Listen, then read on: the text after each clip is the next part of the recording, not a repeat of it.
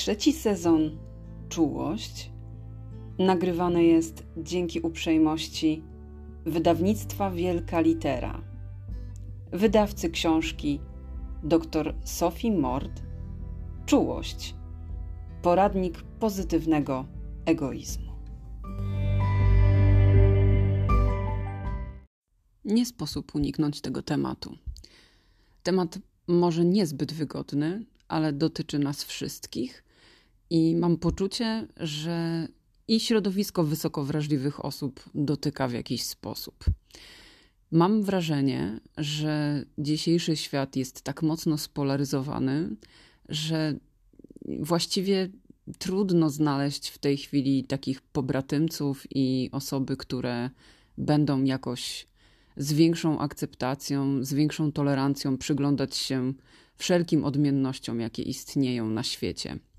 I nie, nie zamierzam jakoś specjalnie politykować, ale o tym, co to jest duma i co to jest uprzedzenie, to i owszem.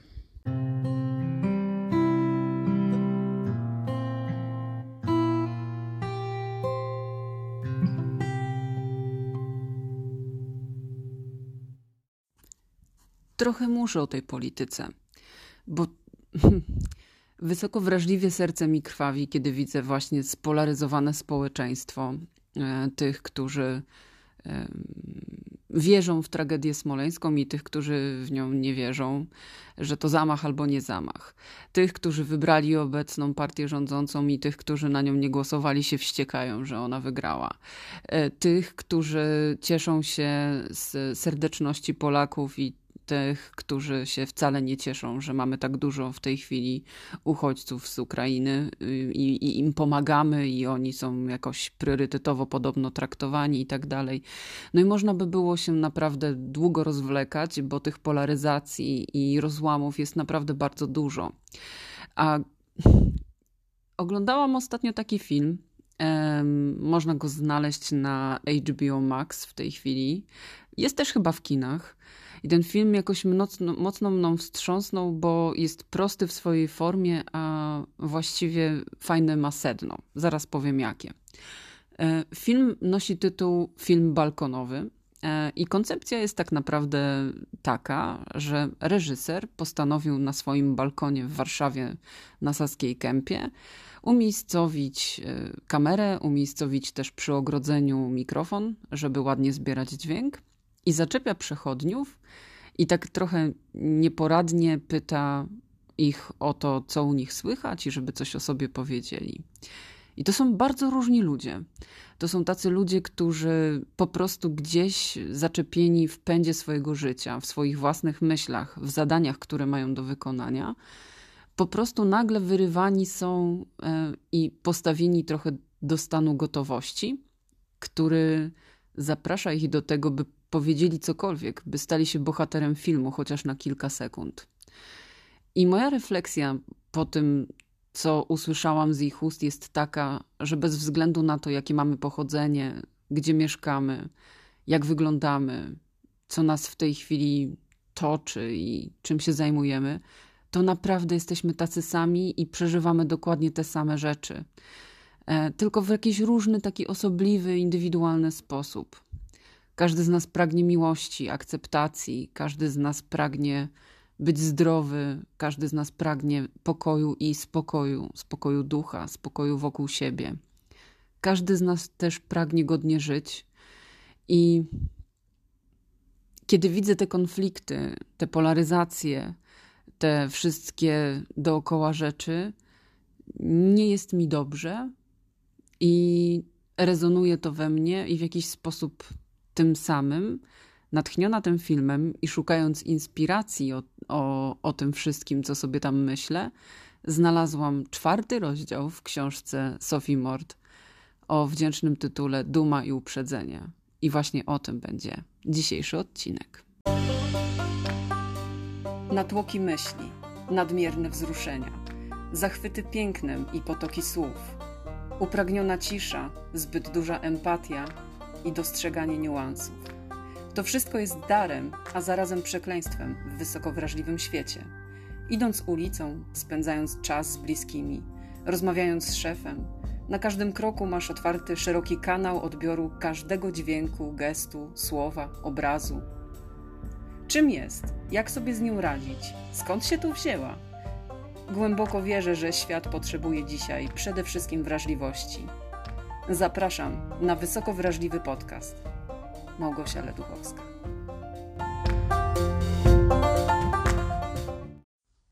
Na początek jawne uprzedzenia.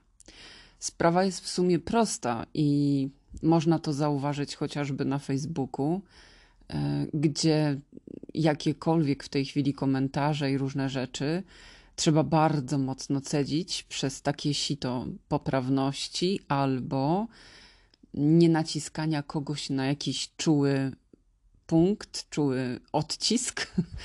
To jest, to jest niesamowite, mm, bo generalnie, gdyby tak wszystko spróbować jakoś sprowadzić, no to mm, ja mam takie, takie wrażenie, że to wszystko tyczy się tego, że moje jest mojsze, moja racja jest bardziej mojsza, a twoja racja jest twojsza i ona nie jest taka mojsza jak twojsza i skoro nie jest mojsza, to znaczy, że jest gorsza.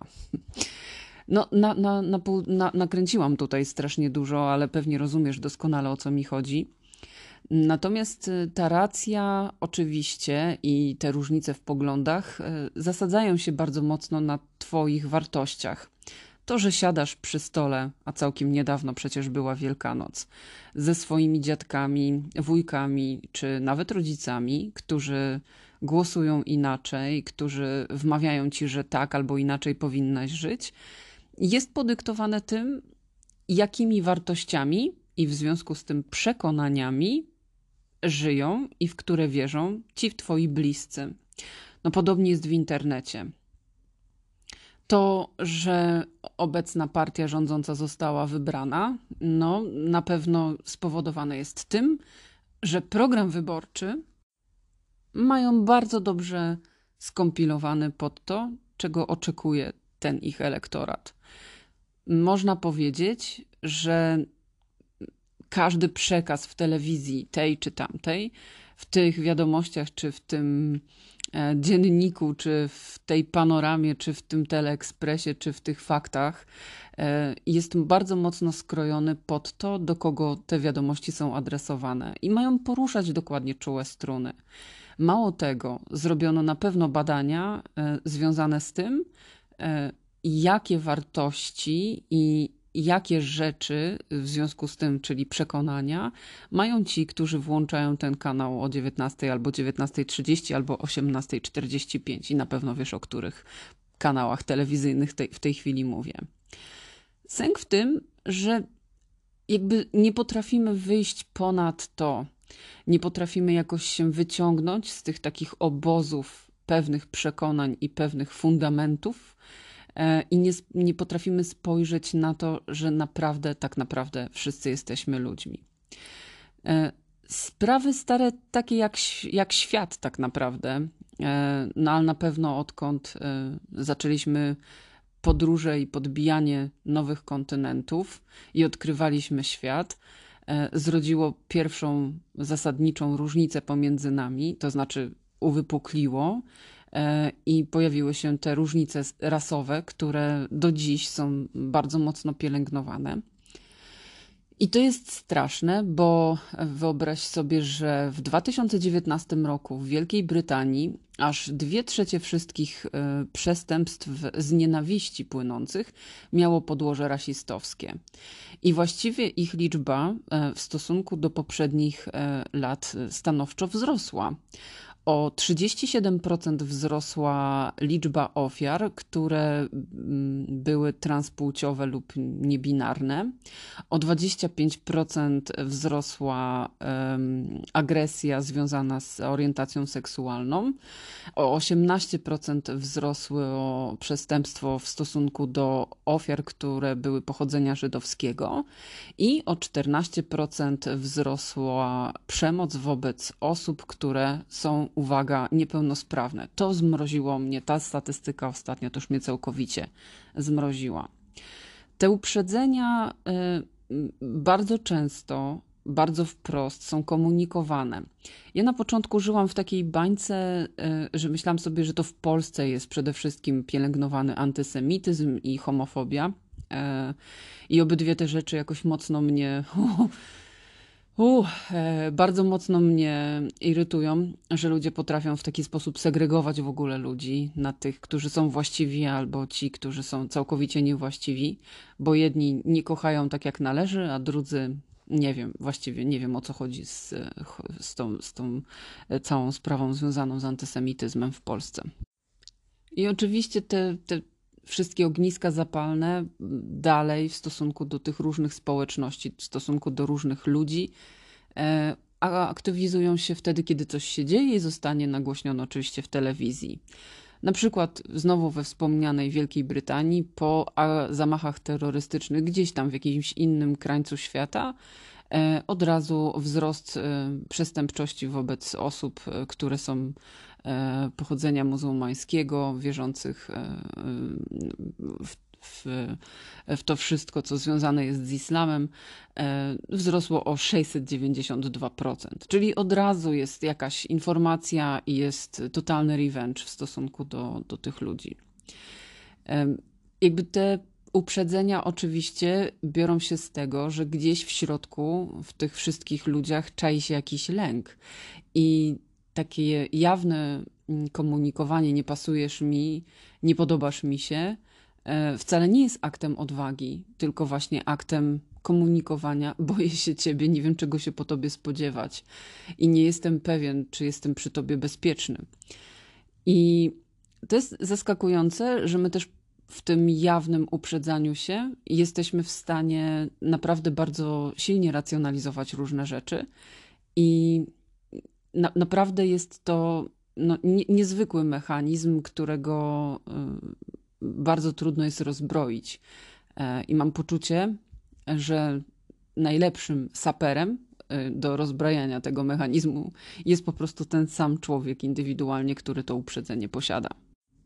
Też ciekawą rzeczą, którą przeczytałam, jeżeli chodzi o te jawne uprzedzenia, e, jest to, że nie są one jedynie ideami czy systemami przekonań właściwie nie tylko e, te uprzedzenia jawne istnieją w ludziach, ale są też zakorzenione w otaczających e, nas wszystkich strukturach. W instytucjach, no bo przecież nadal istnieją instytucje państwowe, które podlegają na przykład pod partię rządzącą. E, te uprzedzenia są też zakorzenione w strategiach działania najróżniejszych. Tych wspieramy, tamtych nie wspieramy, tych supportujemy, tych odcinamy. Mamy też do czynienia z ogromną ilością uprzedzeń e, w stosunku do kandydatów na rynku pracy. E, oczywiście bardzo dużo uprzedzeń jest też w systemach edukacji, bo e, politycyzacja programów oświatowych i permanentne chociażby w Polsce reformy oświatowe również są podyktowane przekonaniami obecnych partii rządzących i, i koniec kropka i nie będziemy z tym dyskutować. A co najgorsze, to też ja sama doświadczyłam, że dużo jawnych uprzedzeń jest również w opiece zdrowotnej. I czemu tego doświadczyłam? No, mam za sobą kilka bardzo wymownych spojrzeń na wszystkie moje tatuaże w momencie, kiedy rozbierałam się u lekarza na klasyczny osłuch, albo wtedy, kiedy chociażby oddawałam krew do analizy, na że mam jedną całą rękę wytatuowaną w rękaw e, i naprawdę nie widać tam żył, to pani ostentacyjnie powiedziała mi, jak se pani ją tak wytatuowała, to niech mi pani da tą drugą rękę, bo ja się nie będę tutaj wszukiwać, gdzie pani pod tymi kwiatkami ma te żyły. I to było. Oczywiście złożyłam skargę, bo ja po prostu nie jestem w stanie takich rzeczy w ogóle akceptować ale to było naprawdę takie zaskakujące, że mamy tam 20, 2020 rok, 21, 22, a tutaj ludzie nadal wyskakują z takimi tekstami. Zresztą dyskryminacji również e, ze strony lekarza e, doświadczyłam e, wtedy, kiedy poszłam na jakieś badania okresowe, czy też jakieś kwalifikujące do nowego miejsca pracy. Jakiś czas temu, to było kilka lat temu. I pani, która była już tym lekarzem orzecznikiem, na widok e, mojego brzucha i mojej wagi. A dodam, że to była i tak dużo niższa waga niż ta, z której kiedyś startowałam w ogóle w walce o swoje zdrowie. Powiedziała mi: No, ale za ten tłuszcz to by się pani mogła wziąć, bo naprawdę nie wróżę pani zbyt dużo zdrowia. A ja po prostu wywaliłam gałę i zrobiłam jej taką słowetną awanturę, że myślę, że popamiętała mnie do końca, do końca życia. No więc jakby te jawne uprzedzenia, one się wylewają na nas i poniekąd, jako osoby wysoko wrażliwe, to mam wrażenie, że ciągle e, musimy odpierać jakieś ataki, mniejsze lub mocniejsze, ale jednak. A nie daj Bóg, jeszcze nie wyglądamy tak, jakbyśmy chcieli, znaczy jak inni by chcieli. Mamy właśnie e, nadwagę, albo ubieramy się nie tak jak trzeba, albo mamy, nie daj Bóg, gdzieś tatuaże czy, czy kolczyki. No i sprawa zaczyna się naprawdę niezwykle, e, niezwykle komplikować. Problem jeszcze też e, dotyczy takich jawnych uprzedzeń związanych z klasą społeczną, pochodzeniem, wykształceniem. No i tak pięknie na to e, mówimy wszyscy, że to jest taka nierówność strukturalna. No, że przecież świat nie jest taki sam i idealny, no i te różnice pomiędzy nami przecież są i muszą być, ba, to nas zachęca do tego, żeby je pielęgnować. I tak sobie myślę, że w tym naszym wysoko wrażliwym świecie również jest dużo jawnych uprzedzeń, tylko one wynikają bardzo często z nieznajomości, bardzo często z jakichś skrótowych myśli, E, I no, z ogromnej jeszcze niewiedzy i braku tak naprawdę dużej jeszcze ilości rzetelnych badań potwierdzających tę cechę. No i to nam niestety często strzela w stopę. No a na chwilę wracając do tych różnic struktura, strukturalnych, klasowych i mm, rasowych, y, to trzeba też wprost powiedzieć, że pewnie nam, białym osobom, to jest trochę na rękę. E, nawet sobie nie zdawaliśmy sprawy i nie zdajemy, myślę, i trzeba by było poczytać statystyki. Ja tylko liznęłam tematu, ale na przykład osoby pochodzenia pakistańskiego, czy mm, właśnie ogólnie nazwijmy to e, innokulturowego u nas w Europie, muszą wysyłać o 80-70 mniej więcej aplikacji więcej niż biały człowiek na podobne stanowisko z podobnymi kwalifikacjami ponieważ właśnie nie są najczęściej zatrudniani, a mogliby przecież e, wykonywać pracę, do której kandydata dane miejsce pracy e, e, właśnie szuka. No i to jest niesamowite, bo mm, generalnie pewną część ludzi no, spycha się w jakiś sposób na to, żeby nie mieli tego, co inni mają. No, ch chyba trzeba tak powiedzieć. I też y, bardzo często no, w dobie kapitalizmu wmawia nam się, co jest taką fajną, y, myślę, wymówką dla nas wszystkich, y, że zarabianie pieniędzy i odnoszenie sukcesu są wyborem przecież i tylko siłą determinacji jesteśmy w stanie to osiągnąć. I myślę, że jeżeli jesteśmy w Europie i jesteśmy na przykład obywatelami danego kraju, to zapewne jest nam o wiele, o wiele łatwiej. Ale jeżeli już jesteśmy skąd inąd, e, czego doświadczają na przykład nasi koledzy, którzy wyjechali właśnie chociażby do Wielkiej Brytanii, do Norwegii czy gdzieś tam, to już ta praca mm, i te możliwości i to wynagrodzenie jakoś dziwnym trafem się różnią. I nawet nie zawsze chodzi o kolor skóry, po prostu chodzi o pochodzenie. I myślę sobie, że to po prostu jest standard, to uprzedzenie wobec innych, nie naszych. Tylko kto jest nasz, a kto nie, to oto jest pytanie. Ciekawym tematem, który porusza pani Sophie Mort w książce Czułość, jest też nawarstwianie się uprzedzeń. I ona tutaj przynosi nam takie nowe pojęcie, które i dla mnie było bardzo dużym zaskoczeniem, że coś takiego istnieje. Ano, taki profesor Kimberly Williams Crenshaw uknął termin, który nazywa się intersekcjonalność. I to jest takie, słuchajcie, zjawisko, które polega na tym, że różne społeczne i polityczne tożsamości ludzi łączą się ze sobą, uprzywilejowując ich lub stawiając w mniej korzystnym poło położeniu. Grubo, co nie? Jakby No, polityka interesów, no cały czas. Y, wspieramy naszych y, i deprecjonujemy tych, którzy nasi nie są. Ta intersekcjonalność pomaga zrozumieć, jak dana osoba może odbierać świat i jak on ją traktuje. To jest bardzo ciekawe, że jakby dzięki temu potrafimy zrozumieć, że naprawdę odbiór nas może być y, najróżniejszy. No bo przecież y, określa nas tożsamość płciowa, miejsce zamieszkania, rasa, religia, wiek, stopień sprawności, wygląd, klasa, kultura, z której pochodzimy, wykształcenie, praca, jaką wykonujemy, pochodzenie etniczne, seksualność, orientacja seksualna, duchowość. Jezu, można by było tak naprawdę wymieniać i wymieniać. I teraz. Yy, każdy z tych elementów może wiązać się z większymi lub mniejszymi przywilejami i władzą, którą możemy mieć albo całkowicie nie mieć do niej dostępu w społeczeństwie. No i jeśli się należy do wielu takich zmarginalizowanych grup, bo mamy ich nawarstwienie. Nie wiem, na przykład jesteśmy e, homoseksualni, biseksualni, transseksualni. E, dodatkowo e, jeszcze, nie wiem, nie mamy wyższego wykształcenia albo nawet średniego.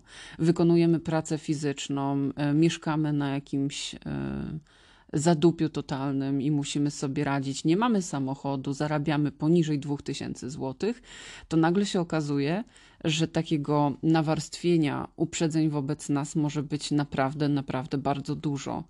A jeszcze może być wisienką na torcie ciało, które na pewno może wyglądać nie tak, jak sobie by tego całość społeczeństwa życzyło i jakaś ogólno przyjęta norma nie wiadomo przez kogo. No jest to naprawdę gruby temat i myślę sobie, że warto nad nim trochę się pozastanawiać, bo pewne napięcia, które możemy w sobie mieć, mogą wynikać właśnie z tego, że do tej wysokiej wrażliwości możemy dołączyć jeszcze te wszystkie naturalne rzeczy, które trochę może wyparliśmy, myśląc o sobie, jakby koncentrując się tylko na tej wysokiej wrażliwości. Do tego nawarstwienia się uprzedzeń pasuje idealnie na piękna metafora. To trochę jak być taką skałą pośrodku morza, uderzaną przez fale i niszczoną ze wszystkich stron. Właściwie jeszcze trudniej jest zrozumieć takie uprzedzenia, które, mm, ponieważ niektóre z aspektów tożsamości są widoczne, a inne nie, po prostu oddziałują i e, możemy być po prostu najzwyczajniej w świecie wytykani palcami, a czasami po prostu obrzucani oszczerstwami. No bo można od razu zauważyć kolor skóry, wzrost, czy możliwość samodzielnego poruszania się lub jakiś uszczerbek na zdrowiu. No i wiele z tych rzeczy, e, skoro widać na pierwszy rzut oka, mogą po prostu być pierwszym aktem agresji, agresji werbalnej albo pasywnej agresji wobec nas. Na wkrok za tym może się pojawić dużo jeszcze cierpienia wewnętrznego, napięcia i, no i to życie staje się po prostu piekłem.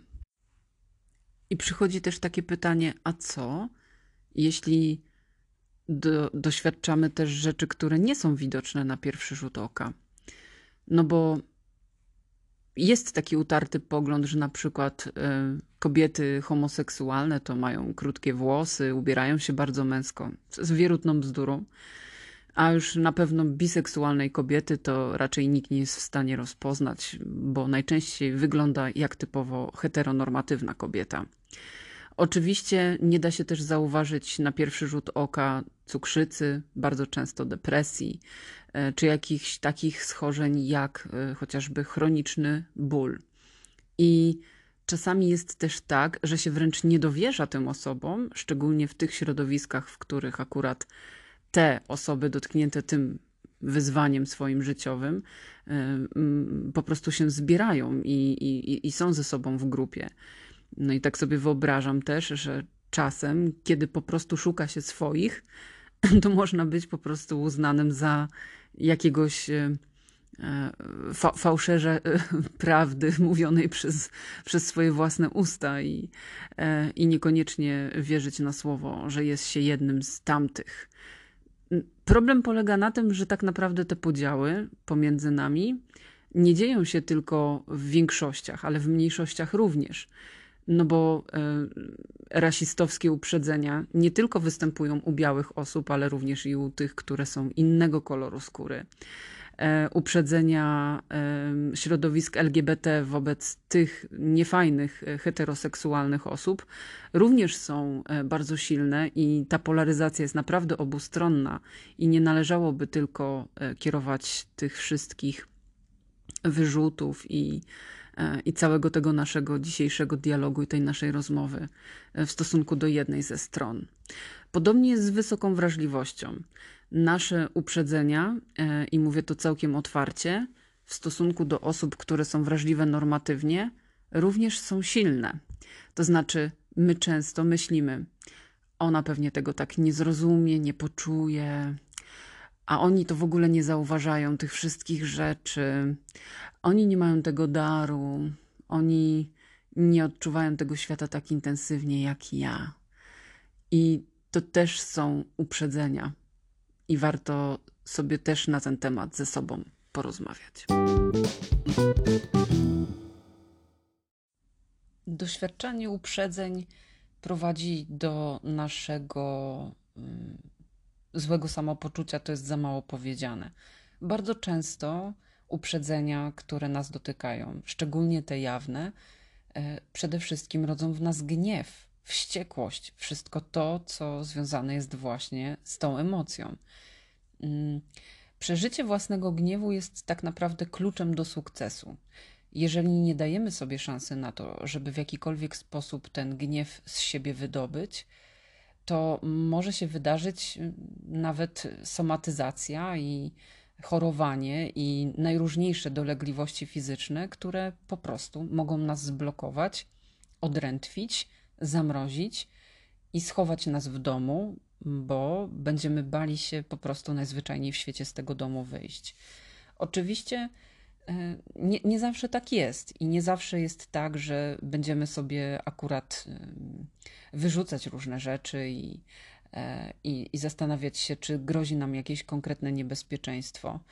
Ale czasami taka wielotygodniowa, wielomiesięczna, wieloletnia walka z uprzedzeniami wobec nas z jakiegokolwiek powodu może doprowadzić po prostu do bezsilności i poddania się, i to może być pierwszy stopień do e, choroby.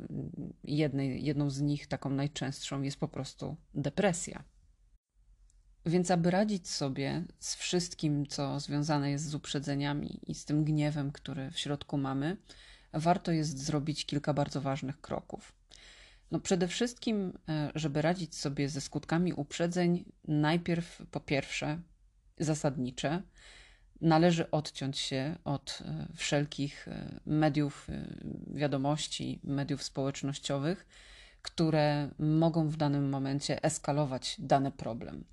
Więc jeśli jest w tej chwili jakaś fala i nagonka na środowisko LGBT, a ty jesteś z tego środowiska, to może w tej chwili nie jest najlepszym momentem, żeby sobie jeszcze dowalać i czytać te wszystkie różne komentarze, bo oczywiście hejt wokół e, kolejnych wiadomości publikowanych na serwisach informacyjnych naprawdę jest ogromny i prześcigiwanie się w dowalenie jeszcze bardziej komuś, kto nie jest heteronormatywny, jest po prostu normą. W momencie, kiedy w tej chwili, w Wielki Piątek, artystka, której nie słucham, Sanach, wydała swój nowy album, doznała tak mocnego hejtu, że miała czelność ugodzić w środowiska katolickie tym, że ona w Wielki Piątek miała czelność, naprawdę. Jakby e, czytanie w tej chwili postów pod, e, znaczy komentarzy pod jej postami e, z promocją jej płyty, to jest plejada hejtu i to jest po prostu jakaś totalna masakra. Kolejnym krokiem jest dowiedzenie się więcej o lękach i strachu aby lepiej zrozumieć, co odczuwasz i że te uprzedzenia tak naprawdę oddziałują na Twoje ciało. Im więcej wiesz, tym bardziej i skuteczniej możesz tym wszystkim zarządzić. Kolejna rzecz to wykonywanie ćwiczeń oddechowych, takich uziemiających, chociażby tych wszystkich i tych rzeczy, które miałam szansę zaprezentować Ci w poprzednim odcinku. I robić wszystko to, co pozwoli Ci na poradzenie sobie z problemami, E, a w szczególności najważniejsze, co możesz zrobić, to zastosować wszystkie umiejętności e, związane z self-compassion, czyli z takim samowspółczuciem. No, wiadomo, że żadna ilość ćwiczeń oddechowych ani ilość współczucia wobec siebie samego nie sprawi, że w społeczeństwie znikną wszelkie uprzedzenia, ale chodzi o to, żeby Ciebie ukoić i jeśli doświadczasz takich sytuacji i jeżeli rzeczywiście te uprzedzenia dotykają Cię bardzo mocno, to warto to po prostu robić dla siebie, bo jesteś dla siebie najważniejsza, najważniejszy. Kolejną rzeczą jest dołączenie do grupy osób o podobnej tożsamości i zbliżonych doświadczeniach. Najlepiej online, ale też zdarza się, że w danej miejscowości są też grupy, które funkcjonują po prostu tak realnie i spotykają się face to face. Prawdą jest, że nie jesteś sama, nie jesteś sam. Istnieją ludzie, którzy są do ciebie podobni i którzy naprawdę rozumieją Twoje przeżycia. Bo, no, co by nie powiedzieć, oni też takich rzeczy jak Ty doświadczają. Jeżeli jesteś na przykład niepełnosprawna, niepełnosprawny i stykasz się po prostu z mm, obelgami, wyzwiskami, albo na przykład jesteś kobietą, która spotyka się z seksizmem, albo mężczyzną trans doświadczającym skutków transfobii, no, znajdź w internecie osoby dyskutujące na te tematy, ale te po Twojej stronie i mówiąc całkiem szczerze, e, po prostu sobie z tymi ludźmi porozmawiaj. Jest też naprawdę dużo miejsc, które udzielają bezpłatnego wsparcia, telefonów zaufania e, i możesz naprawdę spokojnie do takich osób e, się zgłosić po pomoc. Wprawdzie żadna ilość wsparcia nie cofnie wyrządzonego zła, które, którego doświadczyłaś, doświadczyłeś, e, ale przebywanie wśród ludzi, którzy rzeczywiście rozumieją Twoje samopoczucie, może tak naprawdę uczynić przyszłość bardziej jaśniejszą i bardziej, bardziej znośną. Kolejnym ze sposobów jest pozwolenie sobie na odczuwanie złości. Mm, osoby wysoko wrażliwe mają tendencję do połykania złości i ta złość w nich aż kipi, ale one i tak tej złości na zewnątrz nie emitują. Zresztą nas ogólnie jako społeczeństwa nie uczy się wyrażania złości. Kobietom szczególnie nie wolno wyrażać złości. A złość i gniew to w sumie normalne uczucia. I to jest naturalne, że pojawiają się w reakcji na jakąkolwiek niesprawiedliwość na świecie. Jak byłaś ostatnio, byłeś ostatnio wściekły, kiedy wybuchła wojna w Ukrainie i jesteś nadal wściekła, wściekły, że to trwa, a nie kończy się i nic się nie zmienia i cierpią i giną ludzie, to to jest normalna reakcja, to jest zdrowa reakcja. I mówienie o tym, że mnie to wścieka, wkurwia, to jest naprawdę zdrowa reakcja. Co możemy więcej? W jakiś sposób musimy tymi emocjami zarządzać. Kolejną rzeczą, którą można zrobić w walce z doświadczaniem tego, mm, tego problemu, jakim są uprzedzenia, to jeżeli czujesz tą złość, pozwól się jej ujawnić, a potem przeżywaj rozpacz z całą społecznością.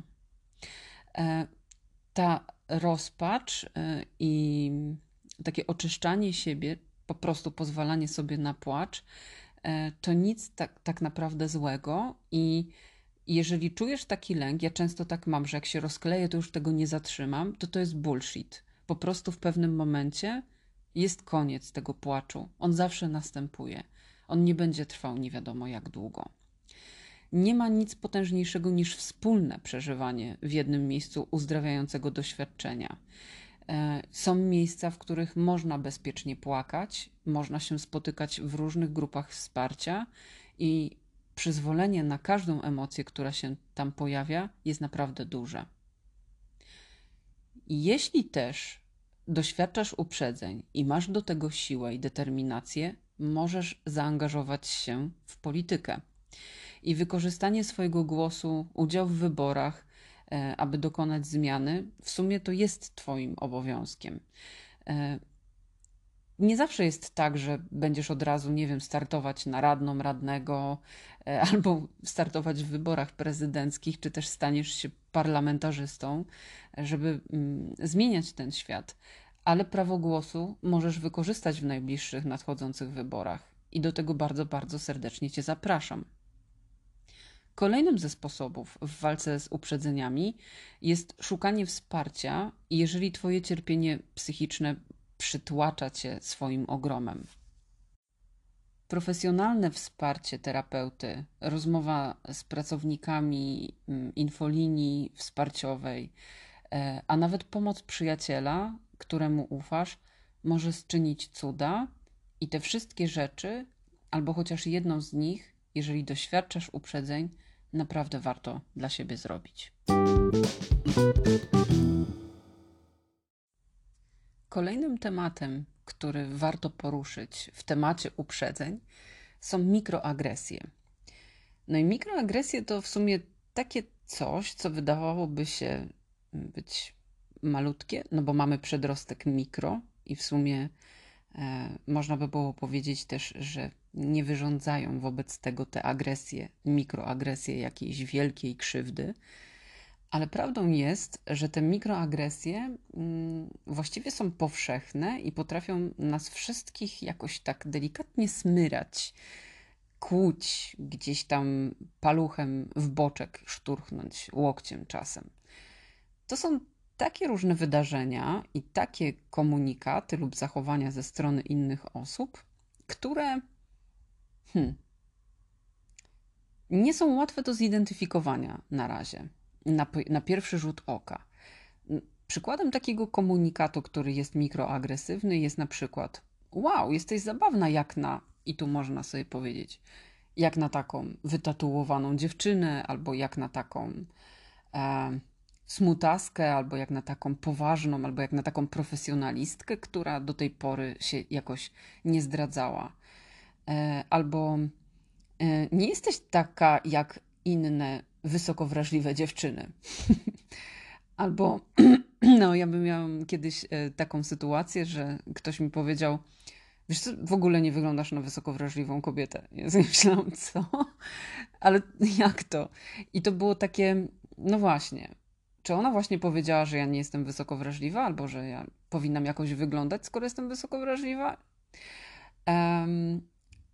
To, to są takie rzeczy, które w jakiś sposób e, cały czas e, mają w sobie jakiś ukryty komunikat. E, taki komunikat, który mówi, że osoby takie jak ty nie są zwykle takie jak reprezentatywne środowisko tych osób właśnie. Nauczenie się rozpoznawania mikroagresji jest ważne, no ale może być bardzo trudne, e, bo czasami są one także pozasłowne, zupełnie, zupełnie niewerbalne. E, na przykład ktoś mocniej zaciska w dłoni portmonetkę na widok jakiejś osoby w mediach lub stojącej naprzeciwko nas i jakby nie jesteśmy w stanie tego wyłapać. No, albo na przykład, nie wiem, zaczyna nerwowo e, ściskać długopis, cokolwiek. I takie mikroagresje powszechnie dotykają najczęściej e, osoby e, czarnoskóre, najczęściej czarnoskórych mężczyzn, ale też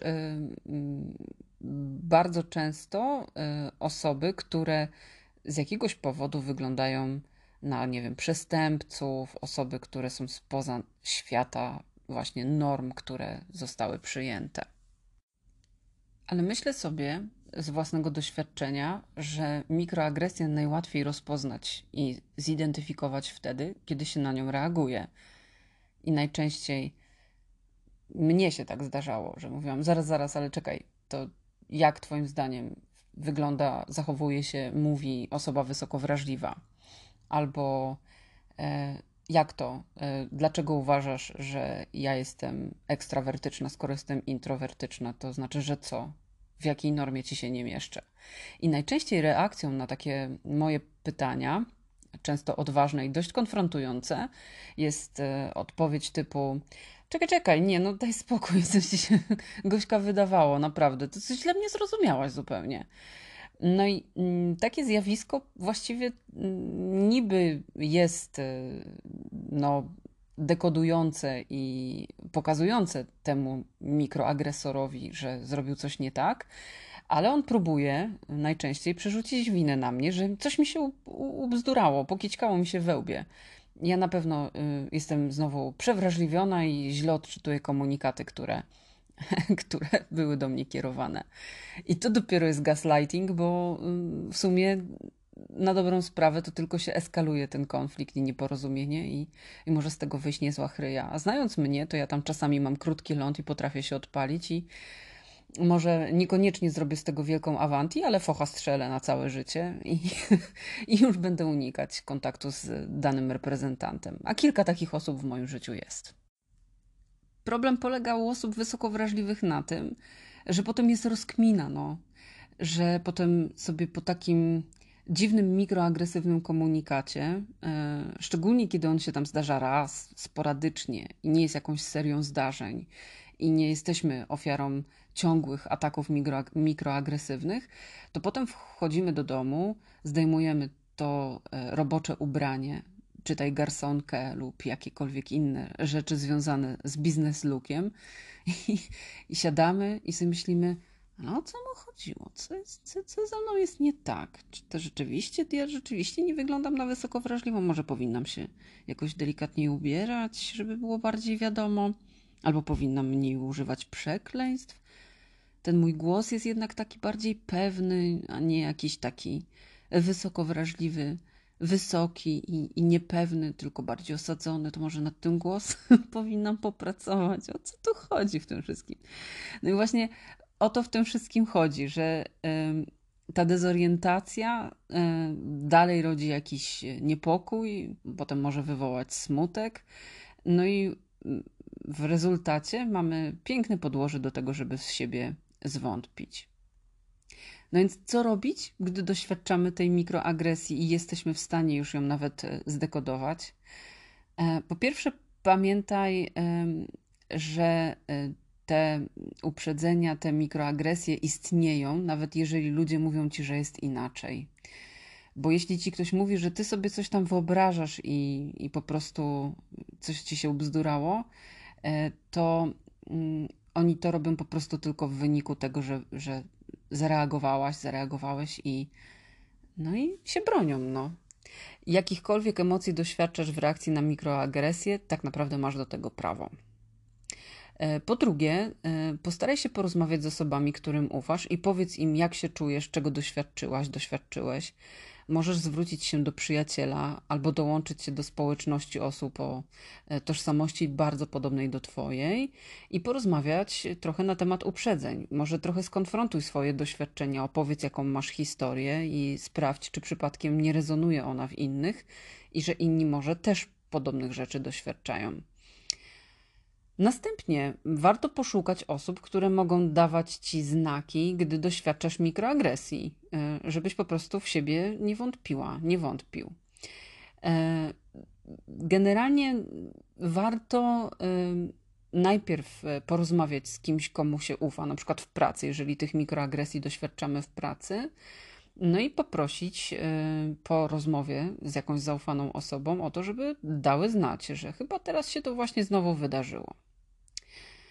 A jeżeli czujesz się bezpiecznie, tak publicznie mm, i, i, i, nie masz jakichś oporów e, do tego, żeby zrobić e, odpór ataku na tą mikroagresję, skrytykuj dany komentarz. Przecież możesz bezpośrednio odnieść się do tej mikroagresji i e, powiedzieć wprost, że to było obraźliwe. Chyba w jakiś sposób się zagalopowałeś człowieku i ja sobie nie życzę, żebyś po raz kolejny w taki sposób do mnie mówił.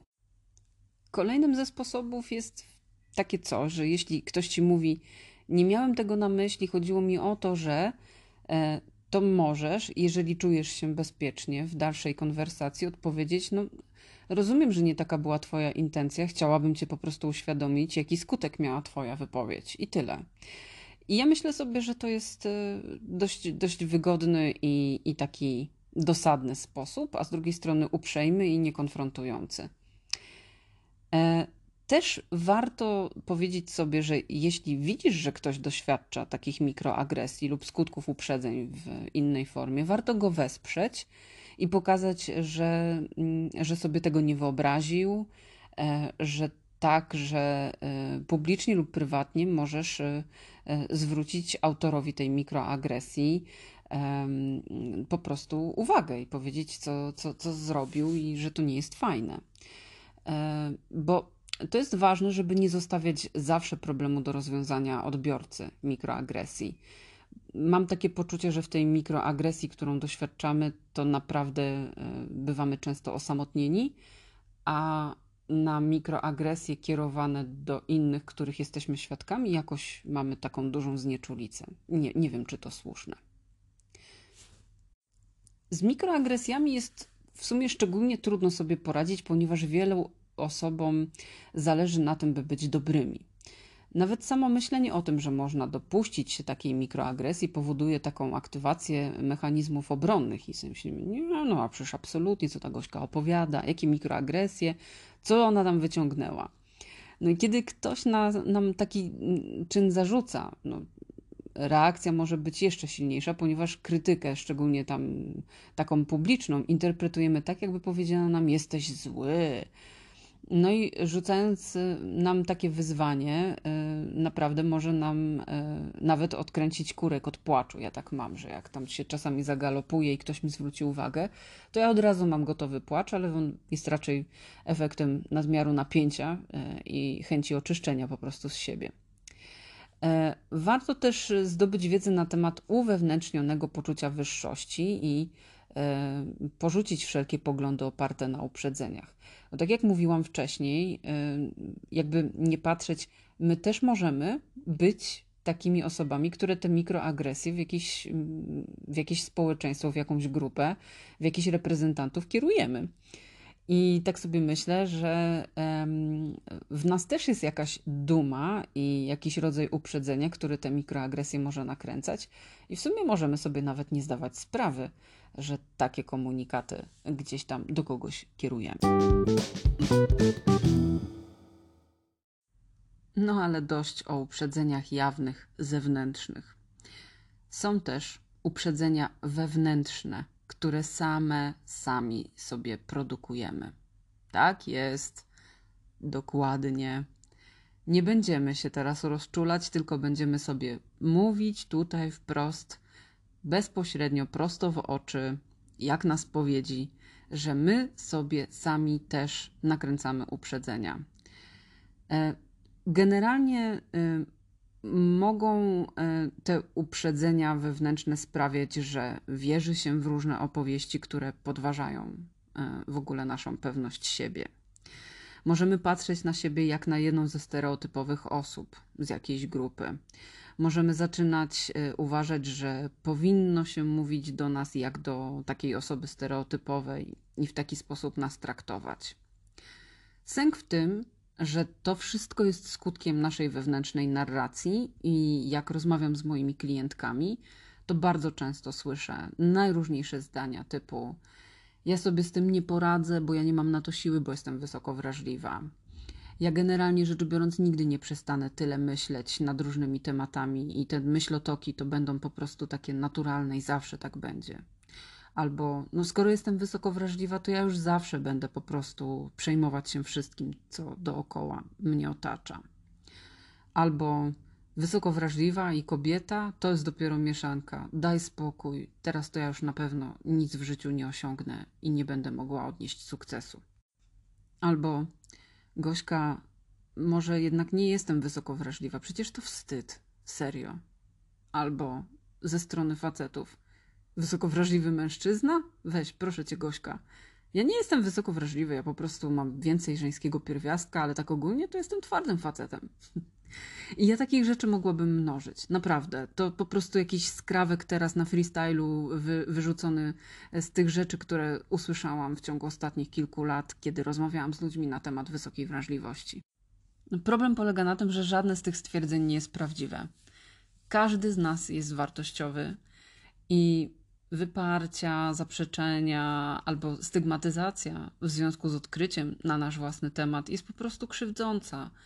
I im gorzej my o sobie myślimy, tym bardziej odbija się to w zewnętrznym świecie i tak naprawdę amplifikuje, czyli wzmacnia te wszystkie uprzedzenia, które ma świat zewnętrzny w stosunku do nas.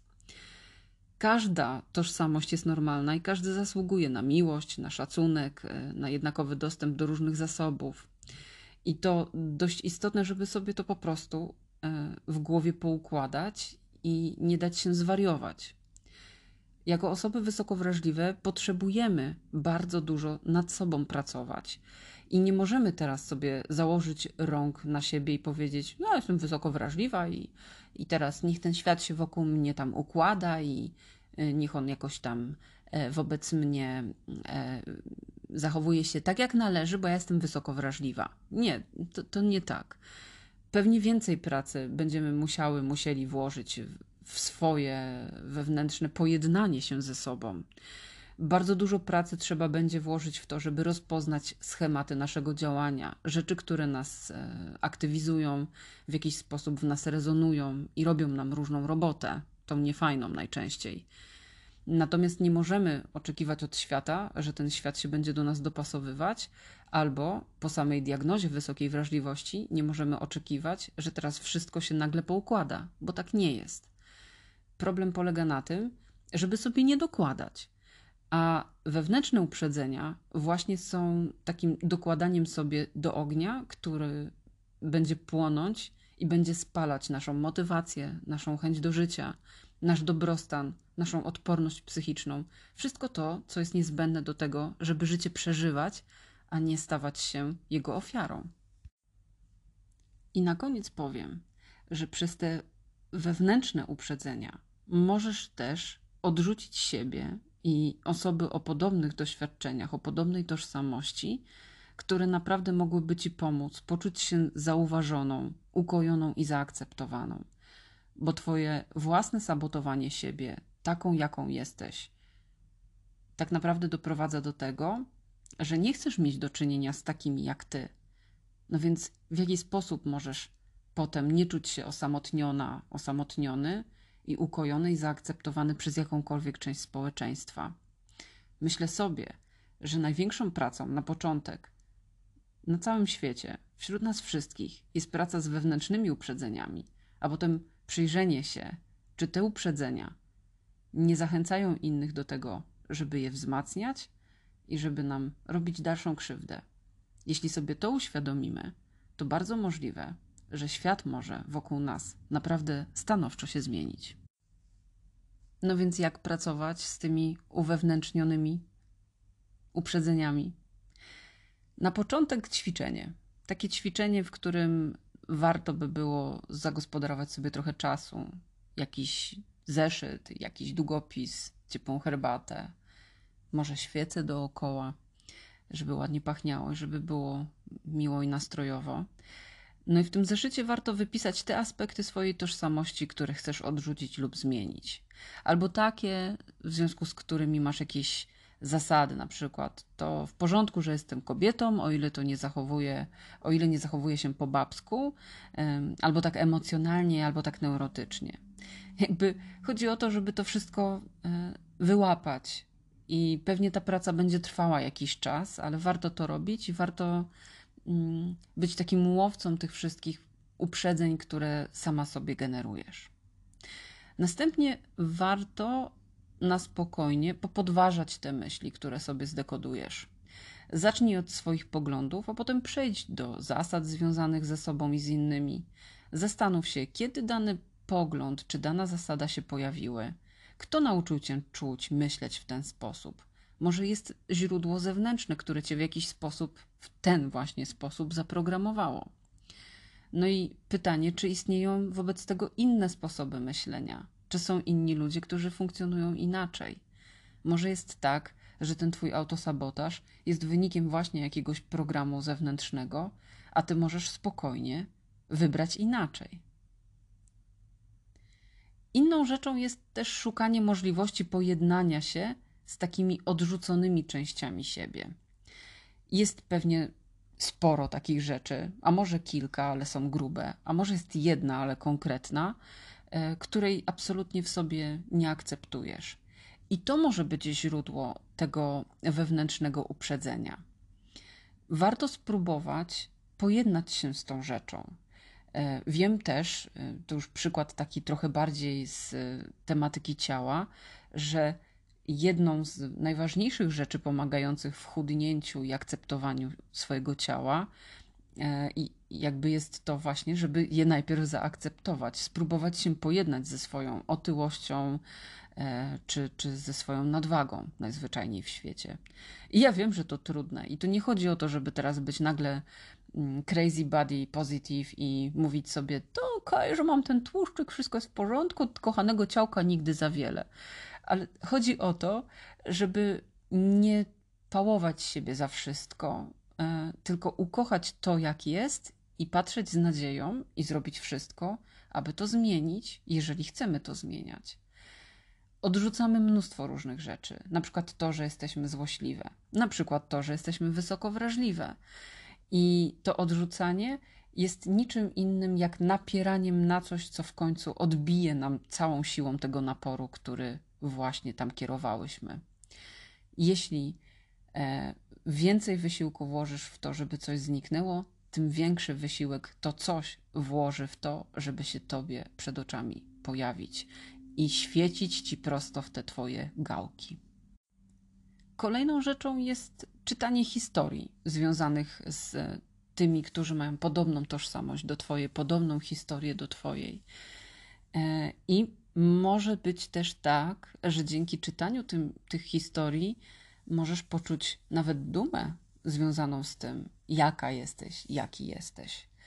Myślę sobie, że też nie bez powodu słuchasz tego podcastu, a jeśli jesteś takim wiernym słuchaczem, wierną słuchaczką, to tak sobie myślę, że mój sposób patrzenia na wysoką wrażliwość w jakiś sposób daje ci poczucie ukojenia.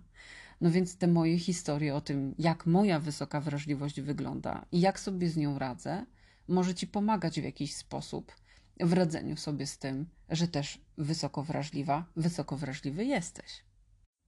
No i na koniec, ponad wszystko, warto, żebyś była, żebyś był na siebie uważny i przyglądał się swoim myślom i sprawdzał, sprawdzała, czy wszystko to, co myślisz, to rzeczywiście prawda. Małgosia Leduchowska, Wysoko Wrażliwy Podcast.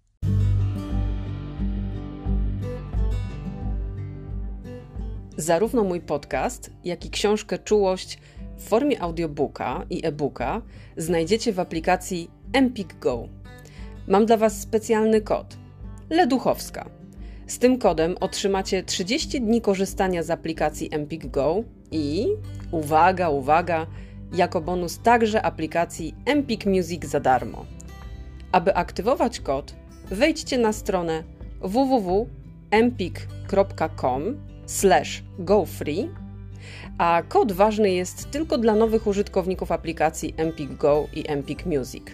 Działa tylko na terenie Polski. Kod możecie wykorzystać do końca kwietnia 2022 roku. Serdecznie polecam.